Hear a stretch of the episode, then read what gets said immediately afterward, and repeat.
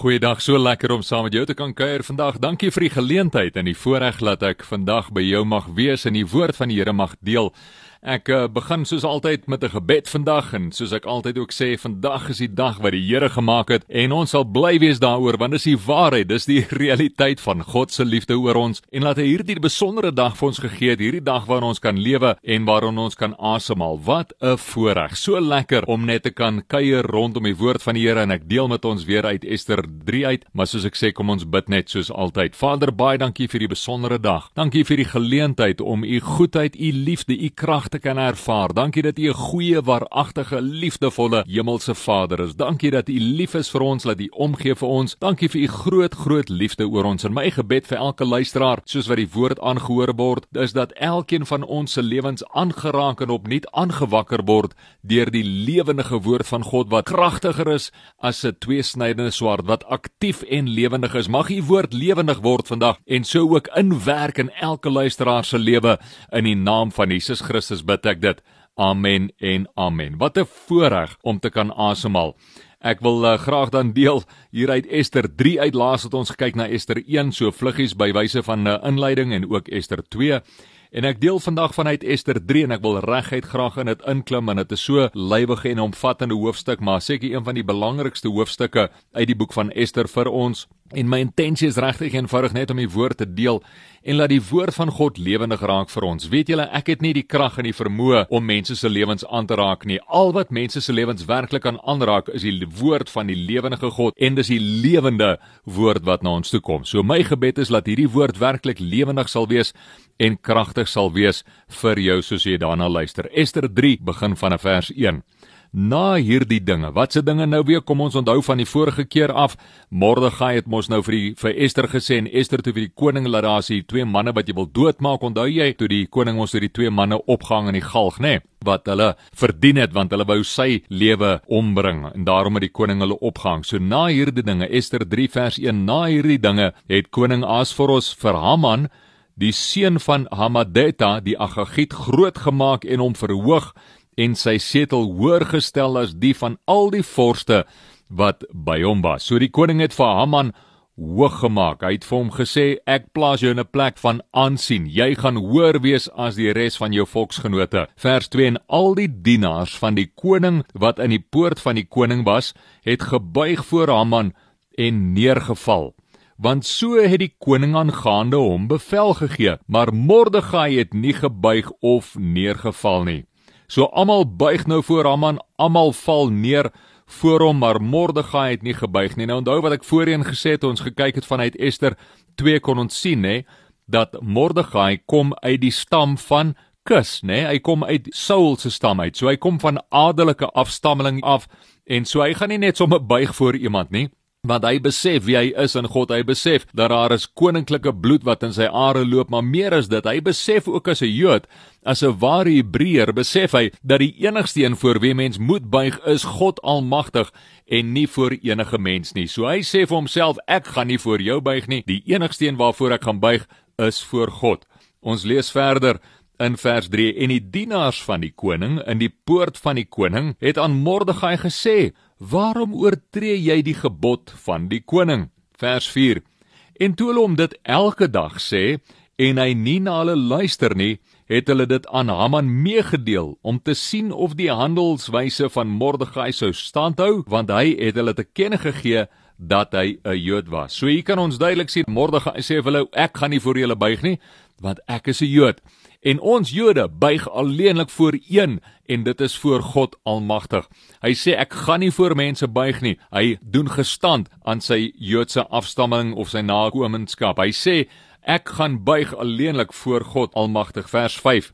Toe Haman sien dat Mordegai nie buig en voor hom nie neerval nie, was Haman met woede vervul. Kyk, hierdie man het dit verloor. Hy het al sy toys uitgegooi as ons dit nou so kan stel en hy het verduidelik of hy het gesê vir Haman eerder maar hoorie jy wat nie voor my buig nie jy gaan swaar kry ek sal seker maak dat jy pak slaag kry vers 6 toe Haman sien dat Mordegai nie buig en voor hom neerval nie was Haman met woede vervul maar hy het dit vir hom te gering geag om die hand van Mordegai alleen te slaan want hulle het hom die volk van Mordegai te kenne gegee hulle het nou vir hom gesê vir Haman gesê Mordegai is 'n Jood. Hulle het vir hom te ken gegee Mordegai is 'n Jood en daarom het Haman toe besluit maar hy gaan nie alleen vir Mordegai se lewe probeer neem nie. Daarom het Haman daarna gesoek om al die Jode wat in die hele koninkryk van Ahasveros was, die volk van Mordegai te verdelg. So hierso sien ons iets in Haman se mondering, iets van 'n haat wat hy amper dra teenoor die Jode. Laat hy sê maar ek gaan hierdie hele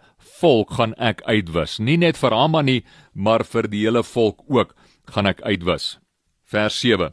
In die eerste maand, dit is die maand Nisan in die 12de jaar van koning Asveros, het hulle die pur, dit is die lot, voor Haman gewerp vir elke dag en ook nag vir elke maand 12 in getal dit is die maand Adar. So hulle het lot gewerp en hulle het gesê, maar oor 12 maande, 12 maande in die maand van Adar gaan gaan ons vir Mordegai en die volk om die lewe bring. Vers 8.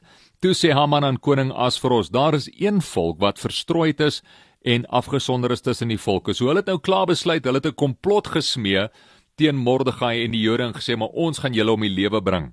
So vanuit hierdie komplot het Haman toe besluit maar hy gaan die koning toe en hy gaan vir die koning sê maar daar is hierdie een volk wat ons wil vernietig. Daar's hierdie een volk wat ons wil verstrooi.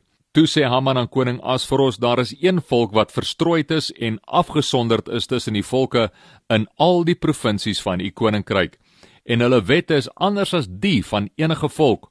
Ook hou hulle die wette van die koning nie sodat dit die koning nie pas om hulle te laat begaan nie. So Haman is besig om die koning net te beïnvloed. Hy is besig om as te ware gif in die ore van die koning te gooi hierso en hy vertel hulle van hierdie volk wat wat hy moet seker maak word doodgemaak. Vers 9: As die koning dit goedvind, laat daar dan geskrywe word om hulle te verdelg, sê Haman.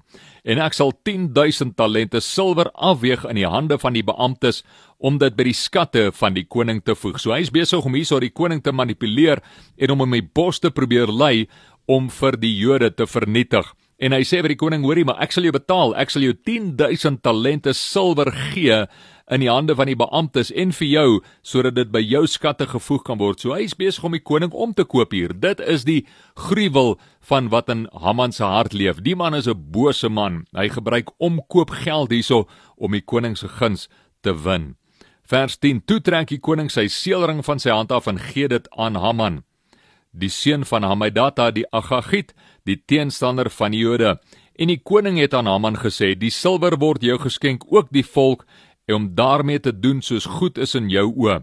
Toe is die skrywers van die koning geroep in die eerste maand op die 13de dag daarvan en daar is geskrywe net soos Haman beveel het aan die landvoogte van die koning en aan die goewerneurs wat deur elke provinsie was en aan die vorste van elke volk aan elke provinsie volgens sy skrif en aan elke volk in sy taal in die naam van koning Asveros is dit geskrywe en verseël met die seelring van die koning. So dink nou hier aan, né? Nee, nou die koning sy seelring afgehaal, nou skryf hulle hierdie brief. Hulle skryf aan elke, dat ek dit net gou herhaal. Hulle skryf aan elke koning elke landvoog, al die goewerneurs wat oor elke provinsie was en aan al die vorste van elke volk aan elke provinsie skryf hulle hierdie volk moet vernietig word. Nou onthou weer wat ek gesê het laas keer. Hierdie Persiese volk wat koning Ahasveros oor die koning van was, hierdie volk het gestrek van deesdae se Indië af regdeur tot in Ethiopië, Afrika. Dit was 'n groot koninkryk geweest. Hoe hierdie massiewe koninkryk sê Ahasveros nou onder die misleidende omkoop van Haman, sê die koning maar almal in hierdie hele wye koninkryk gaan uitgewis word. En nou het Haman hulle mos nou die lot ook uh, besluit oor hierdie volk en hulle het gesê oor 12 maande gaan ons hierdie volk heeltemal uitwis, gaan ons hulle vernietig.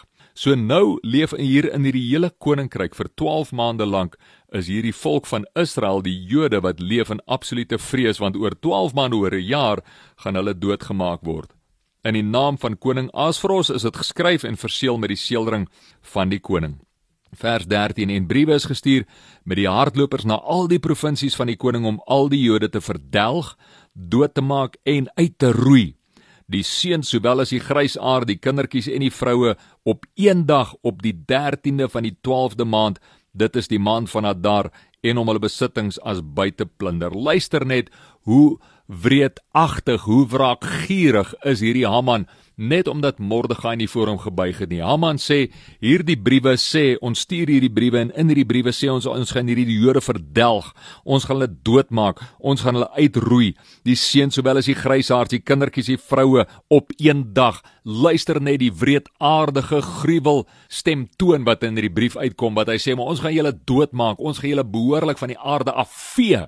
Dit is hoe erg en intens Haman se intensie was en hoe hy die koning beïnvloed het om hierdie Jode eens en vir altyd, hierdie Jode eens en vir altyd van die aarde te verwyder en hulle af te vee.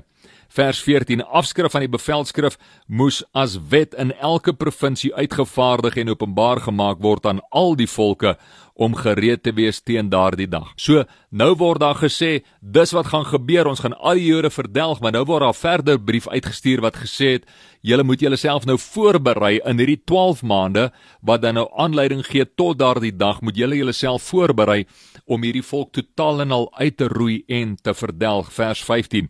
Die hardlopers het haastig op bevel van die koning uitgegaan en die wet is in die vesting Susan uitgevaardig terwyl die koning en Haman sit en drink maar die stad Susan was in verwarring. Nou klink dit bekend dalk in jou omstandighede, my omstandighede, ons wêreld waarin ons leef. Daar's dalk nou nie noodwendige brief wat oor ons uitgevaardig is wat gesê ons ons gaan almal doodgemaak word nie, maar ons is bewus van dinge wat gebeur, skommelinge rondom ons, nê. Nee die pilare van die aarde soos wat psalms van skryf die pilare van die aarde wat selfs geskit word.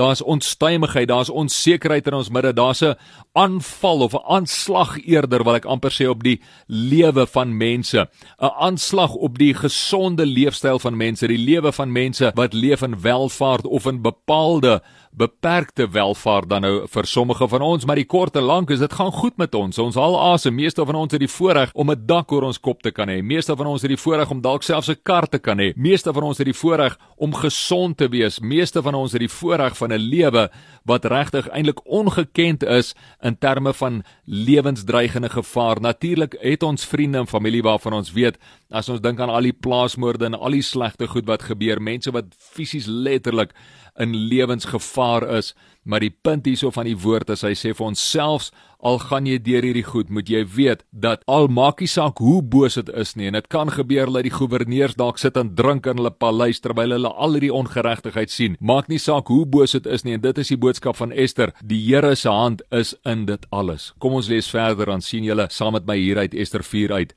Toe Mordegai verneem alles wat gebeur het, het Mordegai sy klere geskeur en 'n roukleed aangetrek en daar was as op sy hoof en hy het uitgegaan dwars deur die stad en hardop en bitter geskree. Die man was in sielsverdriet gewees, groot nood.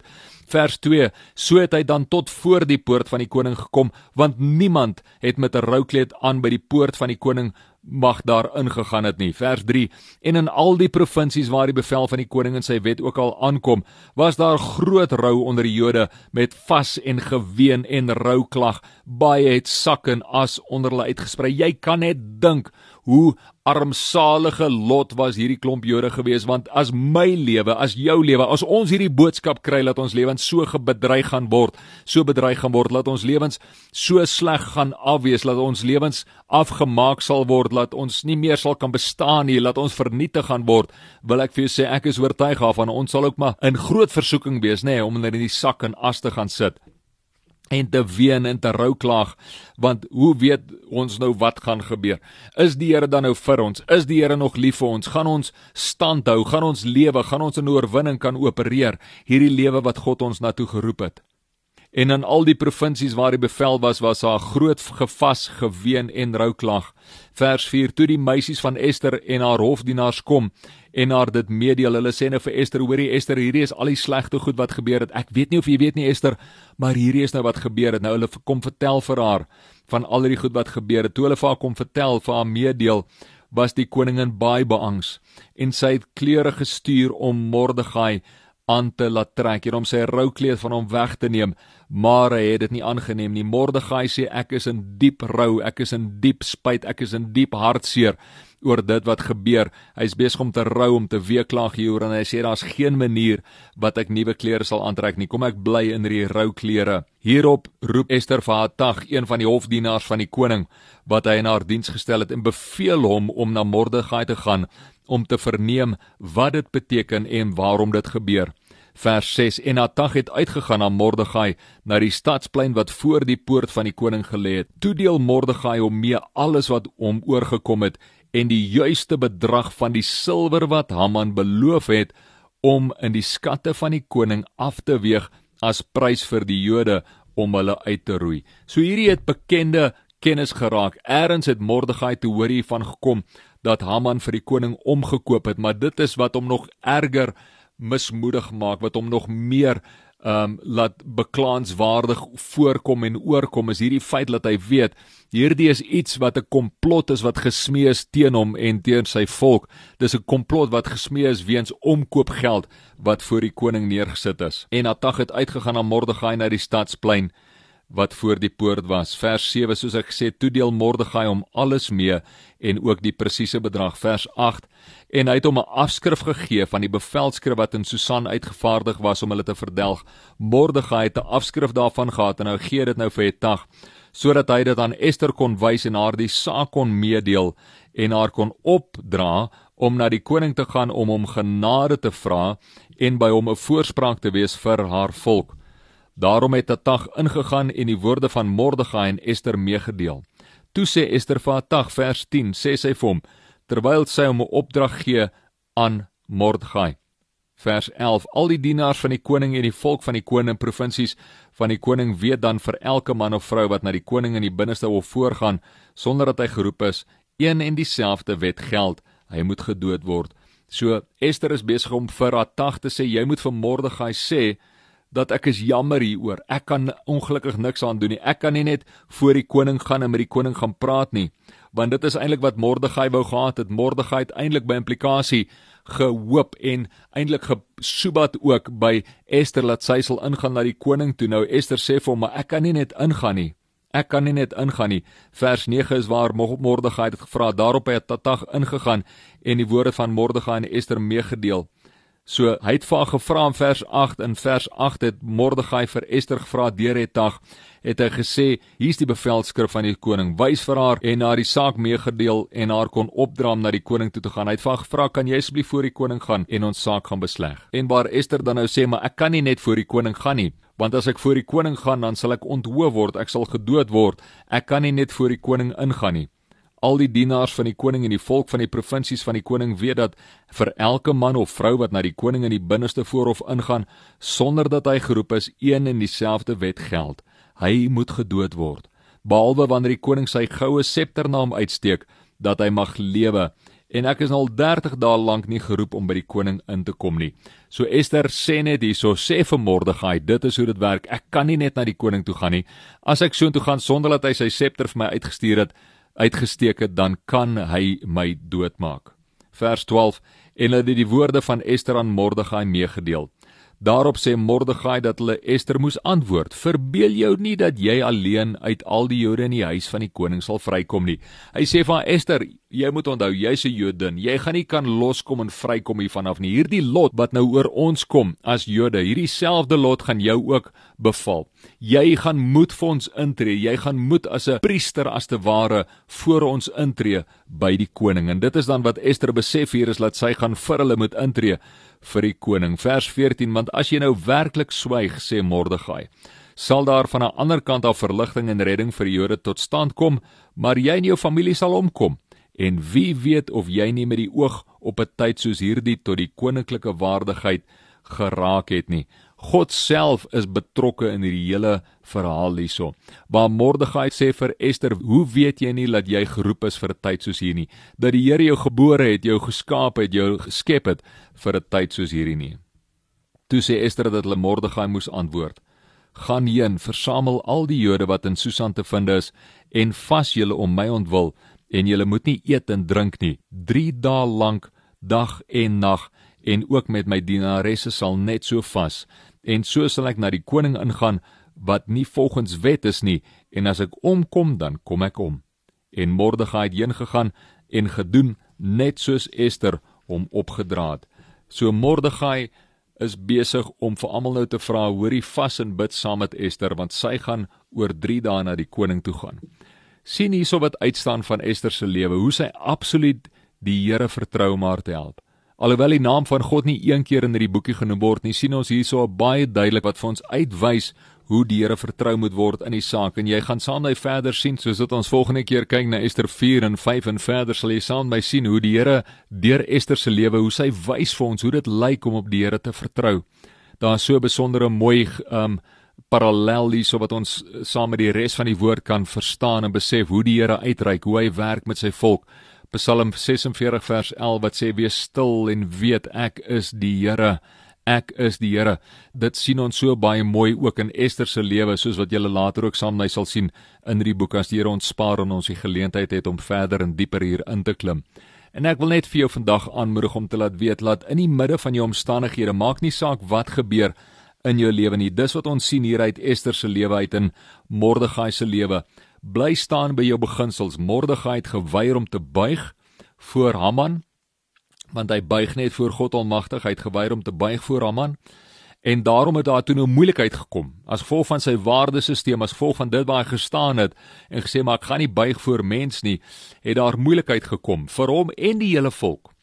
Nou die hele volk is in sak en as. Hulle is besig om te week week klaag en te rou voor die Here oor dit wat nou gebeur maar die feit van die saak is Mordegai staan by sy waardes, hy staan by sy beginsels. Nou staan altyd op die woord van God en so moet ons altyd bly staan op die woord van die Here alleen en op geen ander mens of geen ander plek waarvoor ons buig nie.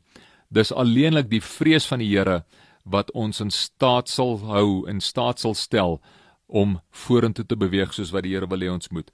So Mordegai is in hierdie plek in hierdie posisie waar hy nou onder die vrees van mense begin amper opereer. Daar's 'n plek waar hierdie vrees werklik is want ons lewens gaan ons ontneem word. Almal rou, almal is in sak en as hieroor en dan nader hy vir Ester. Ester self is ook bang. Sy self het ook 'n vrees wat oor haar kom want sy sê hoorie Mordegai soos wat jy bang is moet jy besef ek is ook bang. Ek kan nie net voor die koning nou gaan nie want Ek is nie geroep die afgelope 30 dae nie. Die koning het my nie geroep nie. As ek nou net voor hom gaan sonder dat hy sy staf vir my uitsteek, sonder dat hy my roep, dan kan ek doodgemaak word. So daar's 'n werklike vrees wat haar ook beetpak. En is daar waar Mordegai vir sê, "Maar luister, jy moet besef dat jy's ook 'n Jodin.